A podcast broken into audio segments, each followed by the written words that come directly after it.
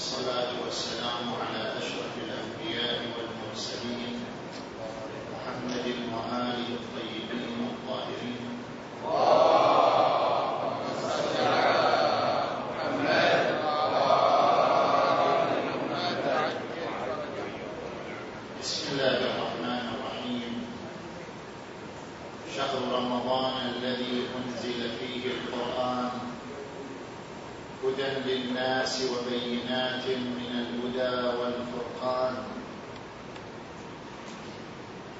من شهد منكم الشهر فليصم ومن كان مريضا أو على سفر فعدة من أيام أخر يريد الله بكم اليسر ولا يريد بكم العسر ولتكملوا العدة ولتكبروا الله على ما هداكم ولعلكم تشكرون واذا سالك عبادي عني فاني قريب اجيب دعوه الداعي اذا دعاني فليستجيبوا لي وليؤمنوا بي لعلهم يرشدون صدق الله العلي العظيم في حديثنا حول الايات المباركات نتناول عده نقاط تتعلق بهذه المضامين العاليه الساميه للقران الكريم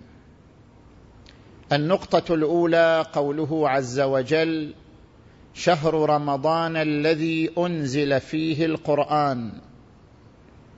هذه الفقره اصبحت مثارا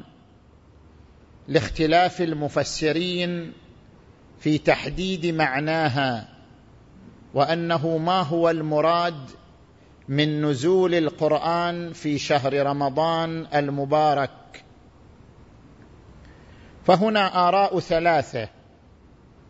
الراي الاول ان المراد به نزول اول القران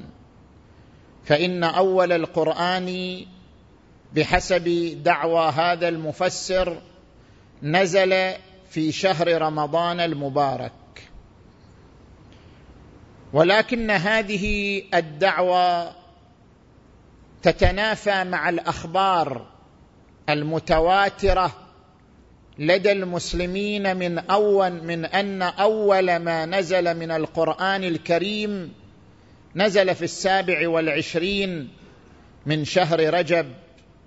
المكرم ولم ينزل اوله في شهر رمضان وهناك من السور ما لا يتناسب مع شهر رمضان المبارك وهي السور التي نزلت في اول القران كقوله عز وجل يا ايها المدثر قم فانذر وقوله عز وجل اقرا باسم ربك الذي خلق خلق الانسان من علق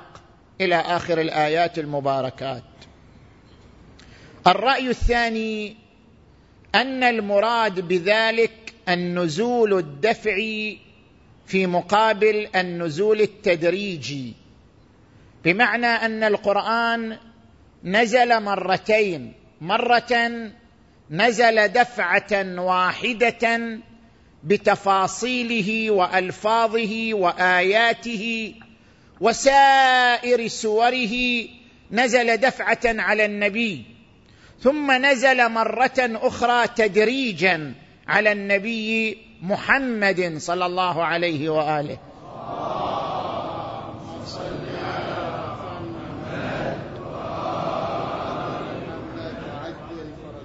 هذا الراي ايضا يلزم منه اللغويه ومعنى ذلك هناك كثير من الايات القرانيه تعالج قضايا خارجيه فلا معنى لنزولها مرتين وهي تعالج قضيه خارجيه مثلا قوله عز وجل قد سمع الله قول التي تجادلك في زوجها او قوله عز وجل فلما قضى زيد منها وطرا زوجناكها او قوله عز وجل مثلا واذا راوا تجاره او لهوا انفضوا اليها وتركوك قائما او الايات الناسخه والمنسوخه من اللغو نزول هذه الايات التي تتحدث عن قضيه خارجيه ان تنزل قبل وقوعها ثم تنزل وقت وقوعها هذا مستلزم للغو فليس المراد بالنزول في شهر رمضان المبارك هو نزول الايات والسور كلها دفعه واحده على النبي ثم نزولها مره اخرى عليه بنحو تدريجي وبعضها مرتبط ارتباطا محضا بقضايا خارجيه وقعت في ظروفها ووقعت في زمانها المحدد لها الراي الثالث وهو الصحيح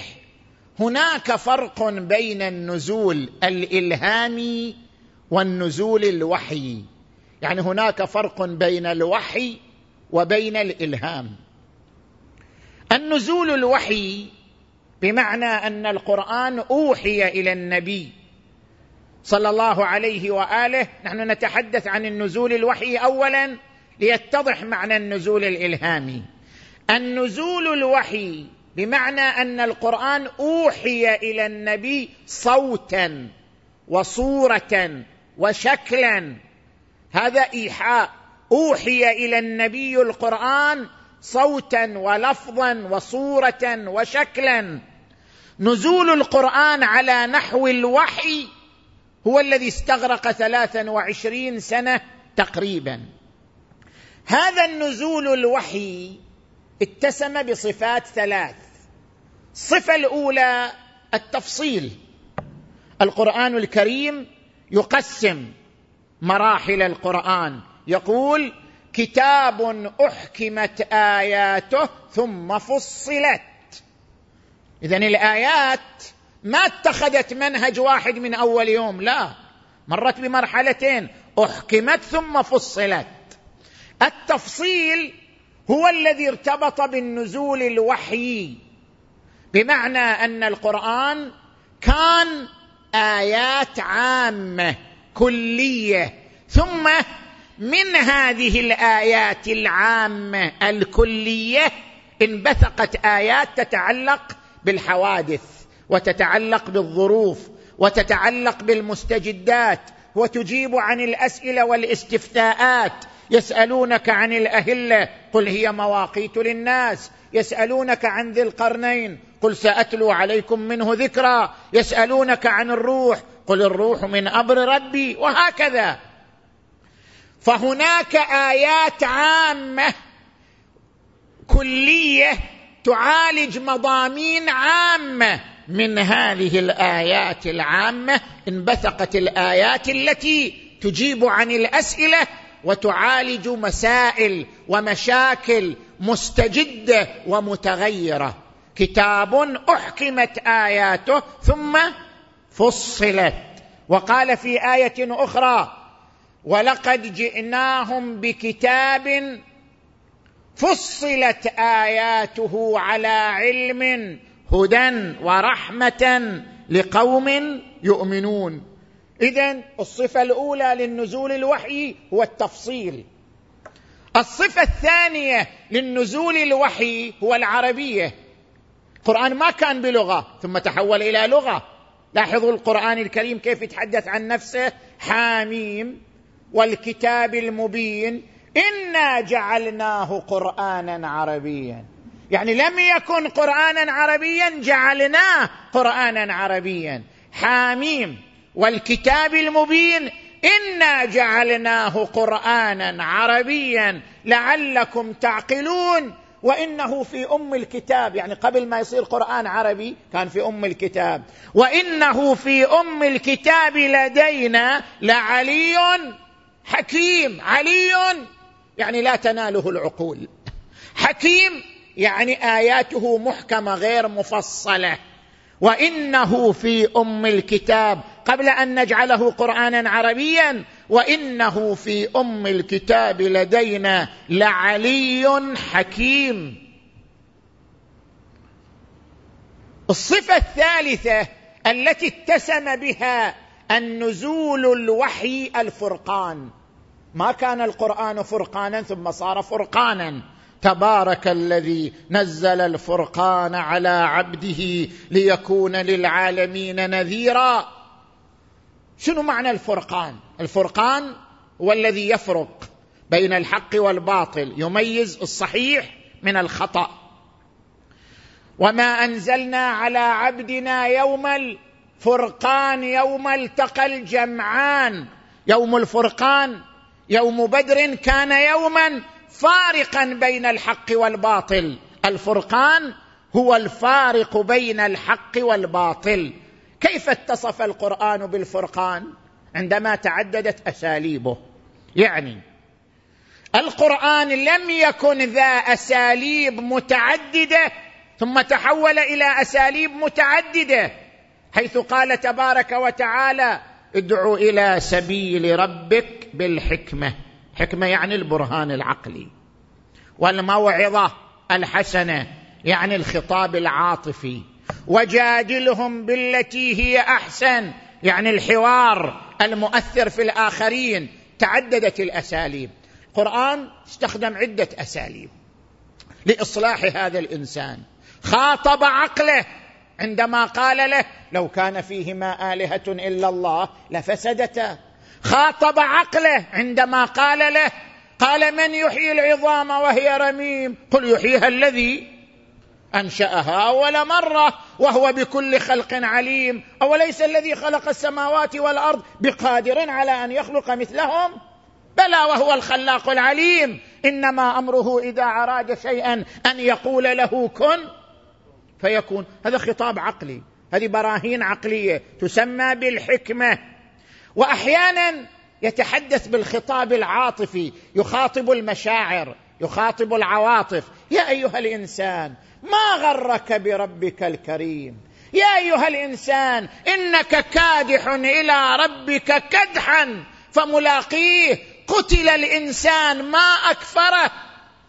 كل هذه الايات تخاطب مشاعر الانسان وعواطف الانسان وهذا يسمى بالموعظه الحسنه وهناك قسم ثالث من الاساليب وهو اسلوب الحوار المؤثر يا اهل الكتاب تعالوا الى كلمه سواء بيننا وبينكم الا نعبد الا الله ولا نشرك به شيئا ام خلقوا من غير شيء ام هم الخالقون هذه ايات حوار حوار مؤثر في من لا يصغي الا الى لغه الحوار ولا يتاثر الا بلغه الحوار اذا من خلال هذه الاساليب الثلاثه تصف القران بالفرقان لانها تعددت اساليبه التي تفرق بين الحق والباطل فاتصف القران بالفرقان فالنزول الوحي الذي استمر ثلاثا وعشرين سنه تصف بالتفصيل اتصف بالعربيه اتصف بالفرقان اتصف بالصفات الثلاث قبل هذه المرحله مرحله النزول الوحي الذي اتصف بالصفات الثلاث كان القران نازلا نزولا الهاميا يعني الهم النبي صلى الله عليه واله حقائق القران كان القران مجموعه من الحقائق لم يكن متصفا بالتفصيل لم يكن متصفا بالعربيه لم يكن متصفا بالفرقان كان مجموعه من الحقائق الهم بها قلب النبي المصطفى صلى الله عليه واله نزل به الروح الامين على قلبك لتكون من المنذرين فنزول القران في ليله القدر انا انزلناه في ليله القدر نزول القران في شهر رمضان شهر رمضان الذي انزل فيه القران حاميم والكتاب المبين انا انزلناه في ليله مباركه نزول القران كان نزولا الهاميا على قلب النبي المصطفى محمد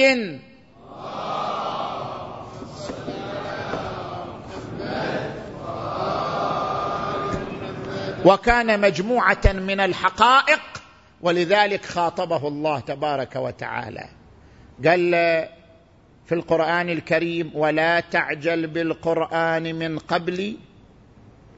ان يقضى اليك وحيه يعني هو كان عندك الهام الان صار وحي يوحى اليك صوتا وصوره ولفظا وحروفا ولا تعجل بالقران من قبل ان يقضى اليك وحيه لا تحرك به لسانك لتعجل به إن علينا أنت الآن رايح تستمع إلى صوت وحروف وألفاظ إن علينا جمعه وقرآنه فإذا قرأناه فاتبع قرآنه ثم إن علينا بيانه يعني القرآن خضع لمرحلة بيان وخضع لمرحلة قرآن وخضع لمرحلة جمع كل هذه المراحل كانت من القسم الوحي من النزول الوحي ثم ان علينا بيانه هذا ما يتعلق بالنقطه الاولى وهي قوله شهر رمضان الذي انزل فيه القران النقطه الثانيه قال هدى للناس وبينات من الهدى والفرقان ما هو الفرق بين قوله هدى للناس وبين قوله وبينات من الهدى طيب هدى وبينات من الهدى شنو الفرق بينهما هدى للناس وبينات من الهدى والفرقان الناس المجتمع على قسمين قسم يسمى طبقه منتظره تعبير بعض علماء الاجتماع هناك طبقه منتظره وهناك طبقه ناظره ما هو الفرق بين الطبقه المنتظره والطبقه الناظره الطبقه المنتظره هي الاعم الاغلب من الناس وهي الطبقه التي لا تفكر الا بعاطفتها ما تفكر بعقلها تستخدم العاطفه في التفكير هذه طبقه منتظره الطبقه العامه من الناس طبقه منتظره تفكر من خلال العاطفه فهي دائما دورها دور رده الفعل يعني تنتظر فعل حتى تتفاعل وياه الطبقه العامه من الناس راكده منتظره تست... مستقره اذا هبت حركات او افعال على المجتمع تفاعلت معها والا فهي صامته ساكته الطبقه العامه من الناس تسمى منتظره لان دورها دور الفعل وعقلها عقل عاطفي يتحرك ويتفاعل من خلال نداء العاطفه هذه الطبقه من الناس لا يمكن ان يؤثر فيها البرهان العقلي لان عقلها كامن في عاطفتها فهذه الطبقه من الناس تحتاج الى هدى لا الى بينات من الهدى هدى للناس يعني الطبقه العامه من الناس التي هي الطبقه المنتظره لان عقلها في عاطفتها فهي لا تتاثر بالبينات ولا تتاثر بالبراهين العقليه وانما تتاثر بالموعظه تتاثر بخطاب العاطفه تتاثر بنداء المشاعر لذلك فما يخصها من القران هو الهدى لا البينات من الهدى فالاساليب التي استخدمها القران من اساليب الوعظ والعاطفه والترغيب والترهيب مؤثره في هذه الطبقه من الناس توجب فيهم الهدى لاحظوا القرآن الكريم شلون يقسم الناس إلى طبقتين يقول وتلك الأمثال نضربها للناس من اللي يعقلها مو الناس وما يعقلها إلا العالمون الطبقة الثانية هي طبقة ناظرة الطبقة الناظرة هي الطبقة التي تتأمل تتدبر تستخدم عقلها وفكرها في تحليل الامور وفي تحليل القضايا وفي تحليل الاوضاع هذه الطبقه الناظره هي التي عبر عنها وما يعقلها الا العالمون افلا يتدبرون القران ام على قلوب اقفالها اذا هذه الطبقه الناظره تحتاج الى ماذا الى اسلوب اخر وهو بينات من الهدى والفرقان البينات الحجج القاطعه الواضحه هذه الطبقه الثانيه تحتاج الى اسلوب البرهان تحتاج الى بينات من الهدى والفرقان لذلك صنف الاسلوب قال هدى للناس وبينات من الهدى والفرقان لقسم اخر من الناس لطبقه اخرى من الناس ثم فرع عليه فمن شهد منكم الشهر شهد يعني كان حاضر مو مسافر مو شهد يعني شاف الهلال لا شهد يعني كان حاضرا غير مسافر فمن شهد منكم الشهر فليصمه ومن كان مريضا او على سفر فعده من ايام اخر يريد الله بكم اليسر ولا يريد بكم العسر ولتكملوا العده يعني النقص اللي حدث في رمضان ده إنسان سافر خمسة أيام نقص من الشهر كم خمسة أيام كم بعد شهر رمضان ولتكملوا العدة ولتكبروا الله على ما هداكم ولعلكم تشكرون النقطة الثالثة نلاحظ أن الله تبارك وتعالى بعد أن تحدث عن شهر رمضان أردفه بالدعاء قال واذا سالك عبادي عني فاني قريب اجيب دعوه الداعي اذا دعاني فالحديث عن الدعاء جاء بعد الحديث عن شهر رمضان المبارك مما ينبئ ويرشد الى ان شهر رمضان هو شهر الدعاء هو شهر التضرع الى الله هو شهر العروج الى الله لا شهر الاشتغال بالدنيا واذا سالك عبادي عني فاني قريب اجيب دعوه الداعي اذا دعاني فليستجيبوا لي وليؤمنوا بي لعلهم يرشدون نتحدث هنا عن ثلاثه اسئله نجيب عنها السؤال الاول ما هي ماهيه الدعاء والسؤال الثاني ما هي ما هو سر الحاجه الى الدعاء والسؤال الثالث ما هو الميزان في استجابه الدعاء ثلاثه اسئله نجيب عنها السؤال الاول ما هي ماهيه الدعاء شنو الدعاء علماء العرفان يقولون لكل شيء حقيقه ورقيقه شنو الفرق بين الحقيقه والرقيقه نجي نمثل بالانسان هذا الانسان اللي انت تتعامل وياه هذا الانسان رفيقك صديقك ابوك ولدك اخوك هذا الانسان اللي انت تتعامل وياه هذا الانسان له حقيقه ما هي حقيقته انه عاقل مفكر يملك مشاعر وعواطف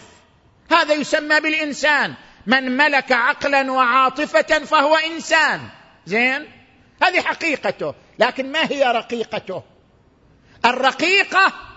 هي اللغز الذي وراء الحقيقه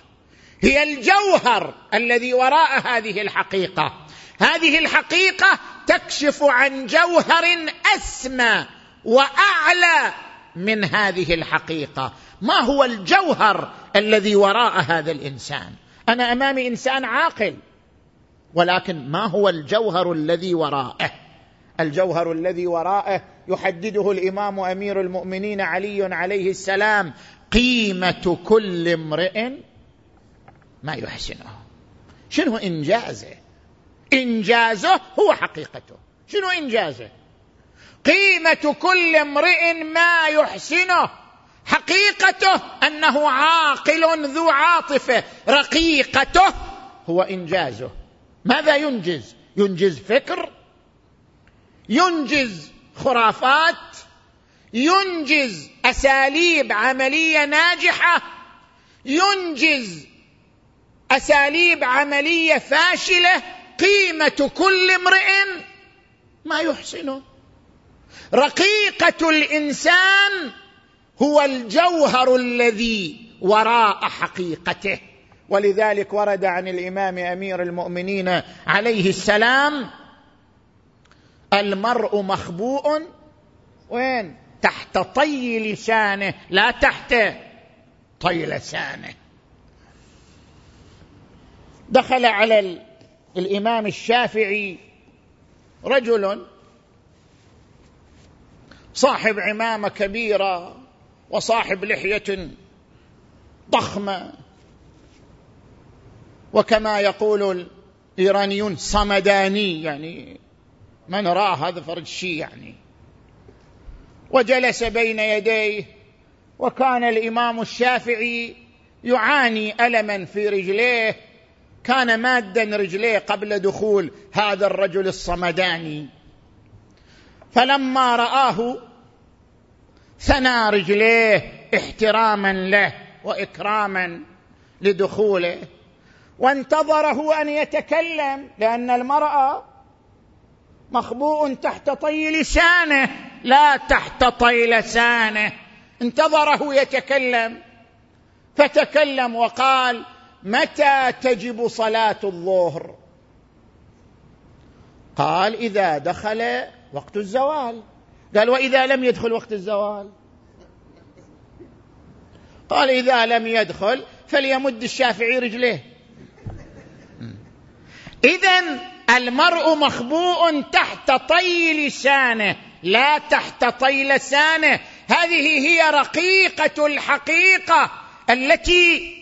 يتغطى الإنسان بها ويختبئ الإنسان من خلالها ايضا الدعاء العباده اليها حقيقه واليها رقيقه لاحظوا الحديث النبوي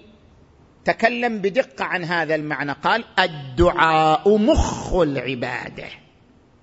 يعني الدعاء هو رقيقه العباده العباده حقيقه رقيقتها الدعاء كيف العلماء يقولون العباده هي الخضوع التذللي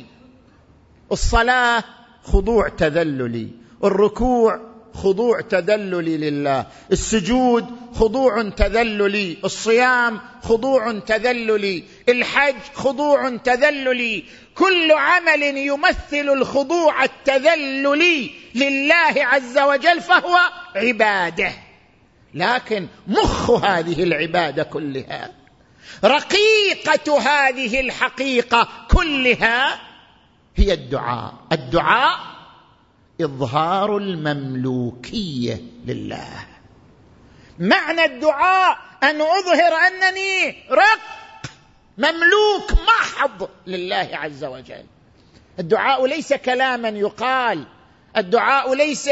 حروفا تنطق ليس لقلقه شفهيه الدعاء احضار واظهار المملوكيه لله عز وجل الانسان اثناء الدعاء يمثل نفسه بالمصباح هذا المصباح لا يستغني عن الطاقه الكهربائيه ابدا في كل ان في كل لحظه كما يعبر الفلاسفه هو محتاج للطاقه حاجه ذاتيه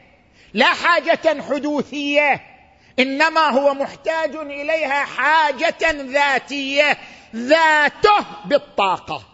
ذاته متقومه بالطاقه لو انفصلت عنه الطاقه لحظه ما انتهى الانسان بالنسبه الى الله هكذا انا بالنسبه الى الله حاجه محضه وفقر محض وتعلق محض فانا في كل ان ان احتاج الى مدده احتاج الى قدرته احتاج الى لطفه ولا حول ولا قوه الا بالله العلي العظيم اشعار الانسان نفسه بانه حاجه وفقر محض لله اثناء الدعاء هذه هي رقيقه العباده الدعاء اظهار المملوكيه والرق المحض لله تبارك وتعالى هذه هي حقيقه الدعاء ولذلك الايه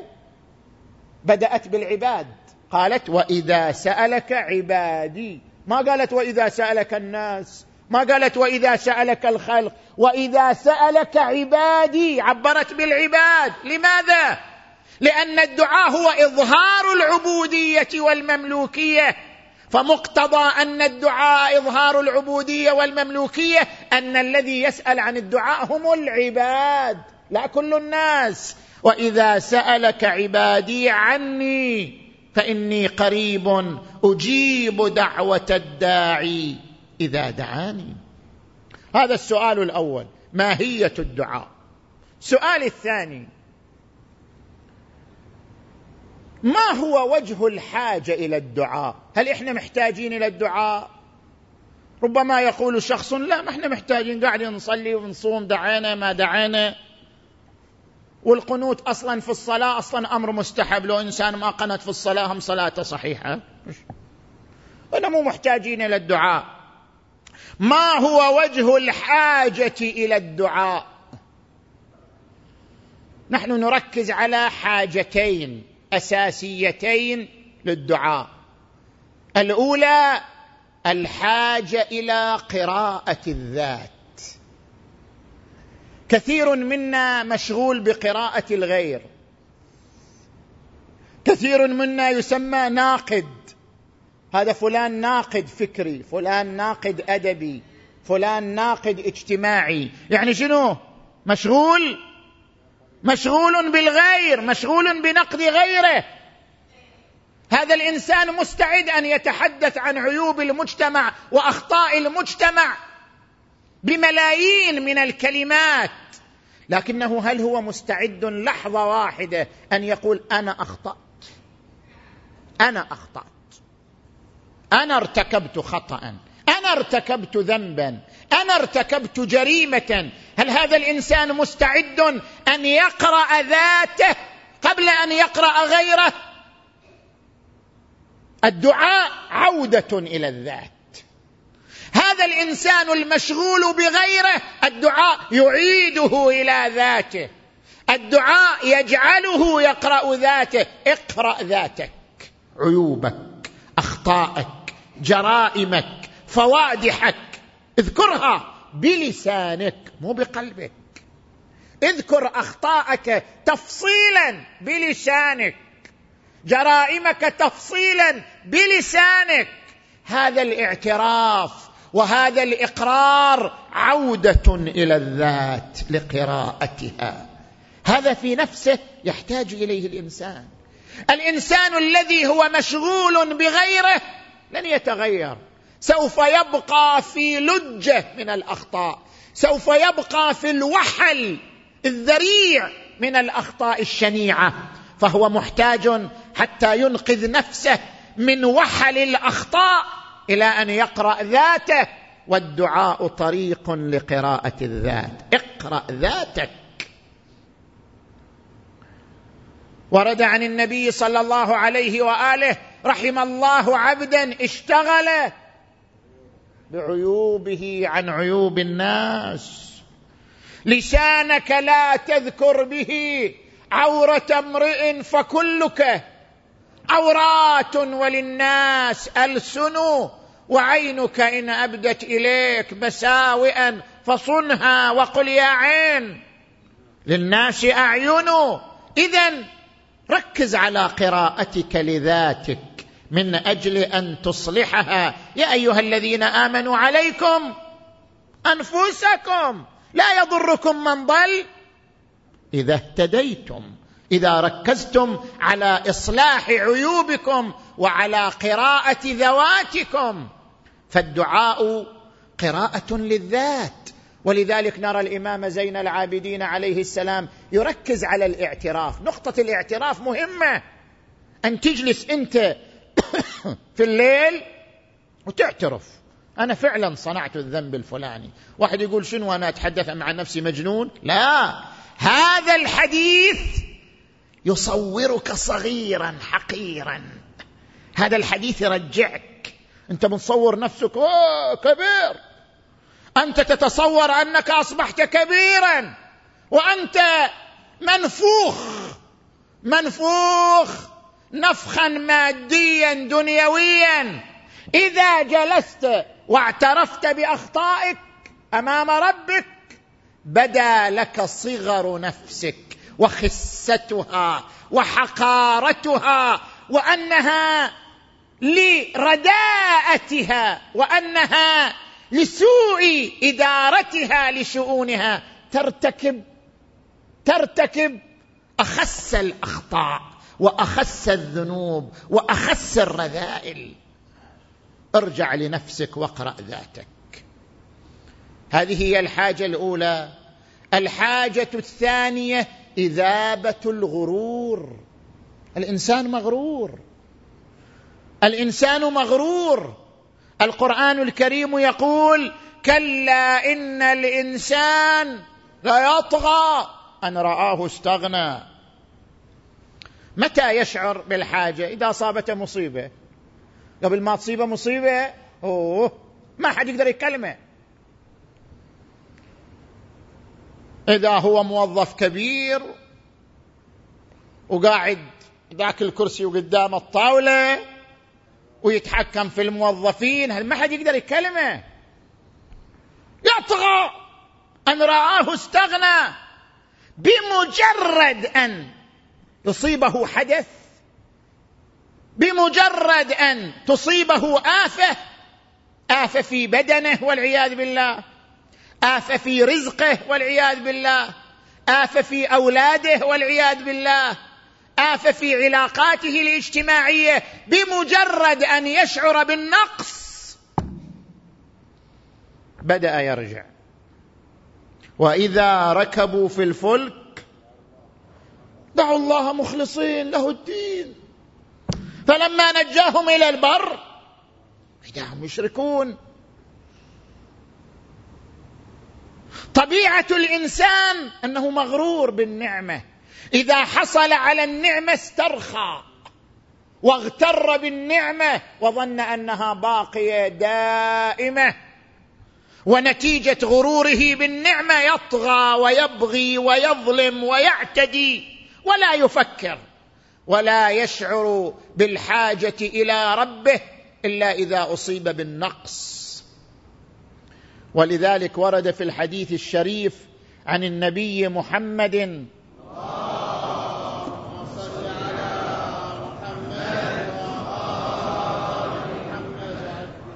عبدي تعرف الي في الرخاء اعرفك في الشده خل أسمع صوتك وقت اللي أنت وقت اللي أنت عظيم وقت اللي أنت صاحب نعمة كبيرة خل أسمع صوتك حتى أعرف أنك تخضع إلي تشعرني بالعبودية والمملوكية تعرف إلي في الرخاء أعرفك في الشدة فإذا أصابتك شدة كما ورد في الحديث قالت الملائكه ان هذا الصوت لا نعرفه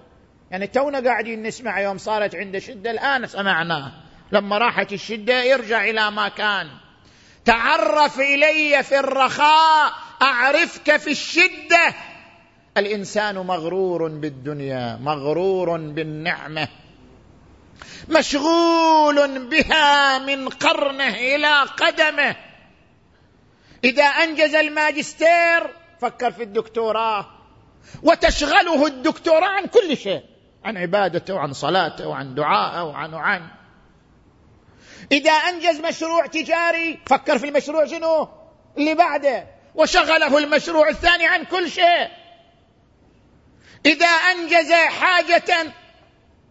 خطط للحاجة التي بعدها لا بأس بالتخطيط ولا بأس بالإنجازات ولكن لا تقطعك الدنيا عن دعائك وعن صلاتك وعن علاقتك بربك ليست الحياه كلها شغل وماده واموال الحياه طريق الى القبر طريق الى الموت طريق الى الاخره طريق الى النهايه ليست الحياه كلها مشاريع وانجازات لا الحياه ايضا دعاء وكلمات وصلوات وتضرعات وابتهالات الدنيا مسجد احباء الله ومصلى اولياء الله الدنيا كما هي حب الدنيا راس كل خطيئه هي مزرعه الاخره الدنيا اذا لا تغتر بالحياه يا ايها الانسان ما غرك بربك الكريم واذا انعمنا على الانسان اعرض وناى بجانبه ما غرك بربك الكريم الذي خلقك فسواك فعدلك في اي صوره ما شاء ركبك ووقف الامام امير المؤمنين علي عليه السلام على اهل السوق فراهم مشغولين بالتجاره فبكى وقال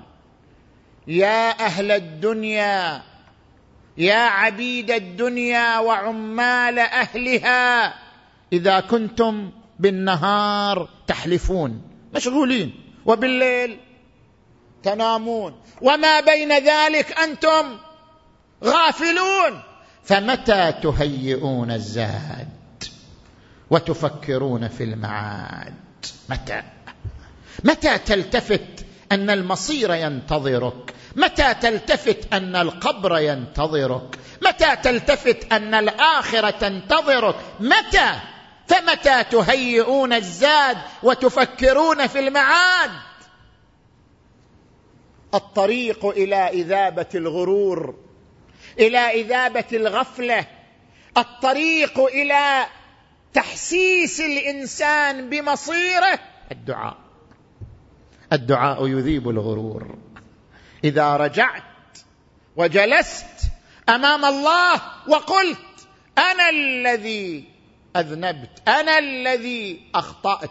انا الذي جهلت انا الذي عملت انا الذي اعتمدت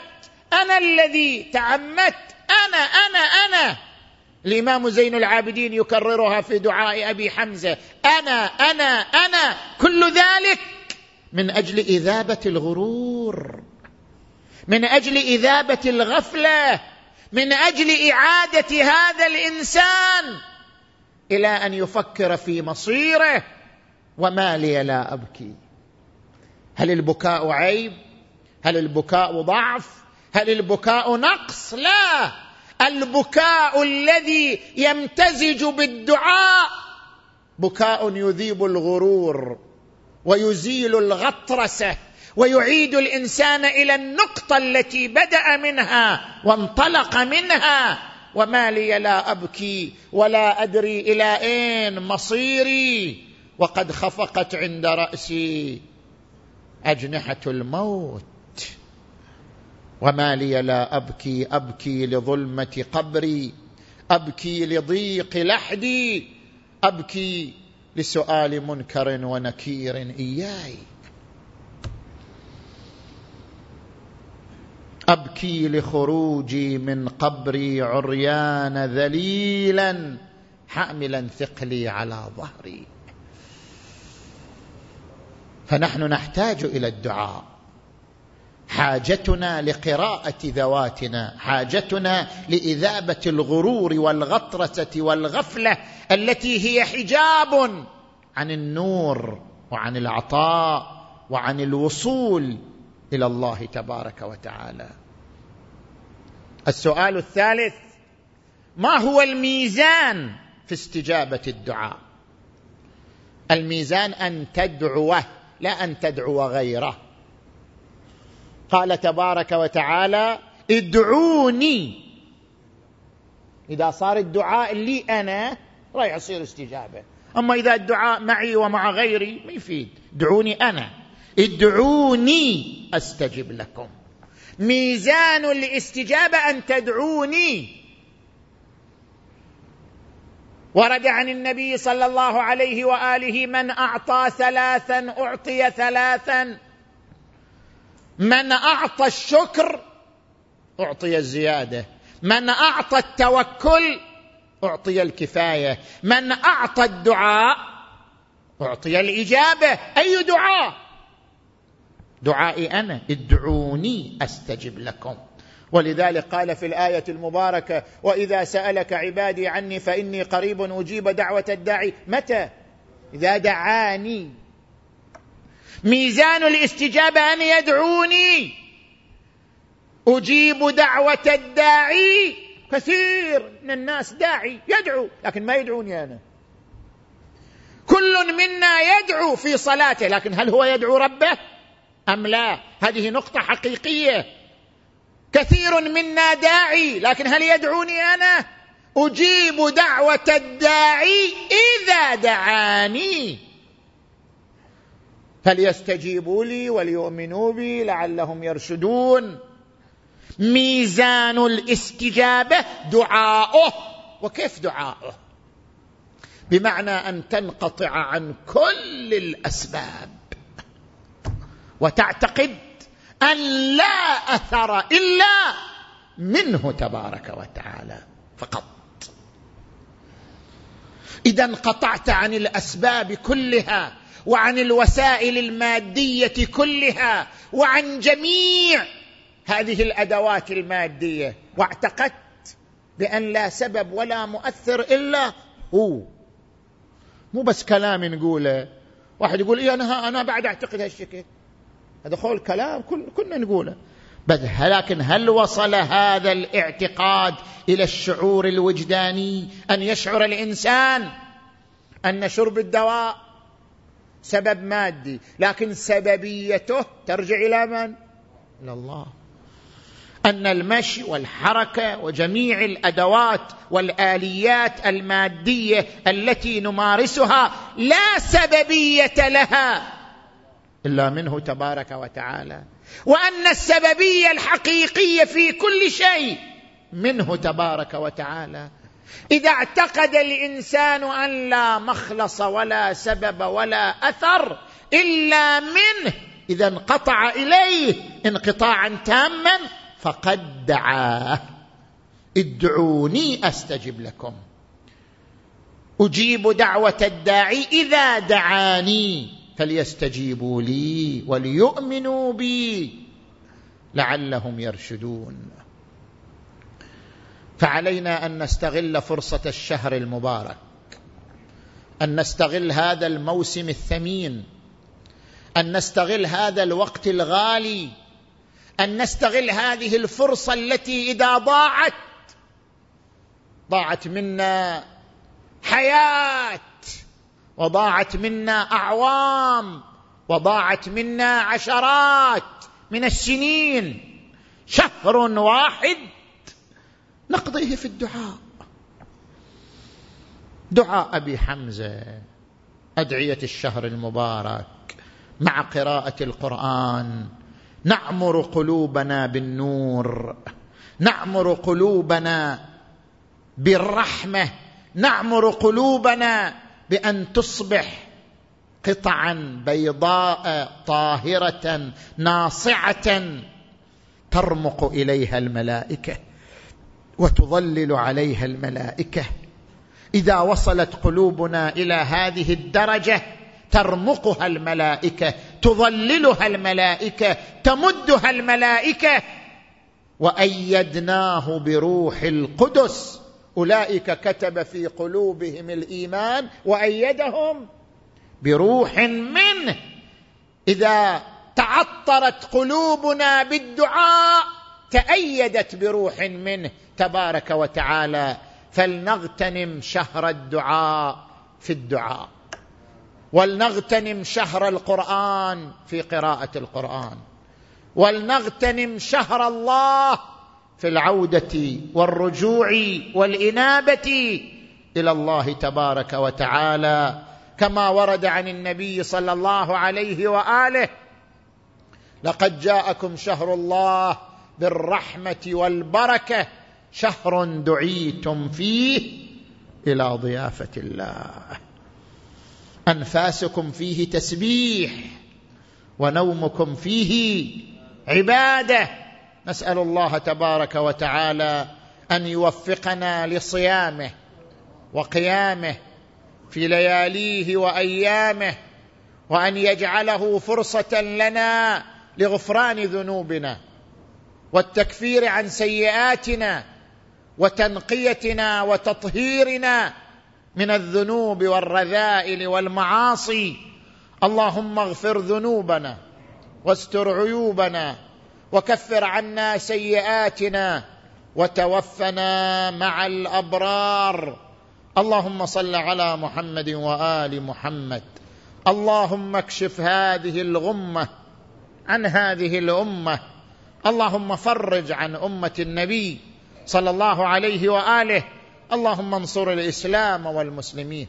واخذل الكفار والمنافقين وانصر اخواننا في كل مكان وخصوصا في البحرين اللهم ادفع عنهم كيد اعدائهم يا رب العالمين اللهم اشف مرضانا ومرضى المؤمنين والمؤمنات واقض حوائجنا وحوائج المؤمنين والمؤمنات وارحم امواتنا واموات المؤمنين والمؤمنات والى ارواح اموات الجميع بلغ ثواب الفاتحه تسبقها الصلوات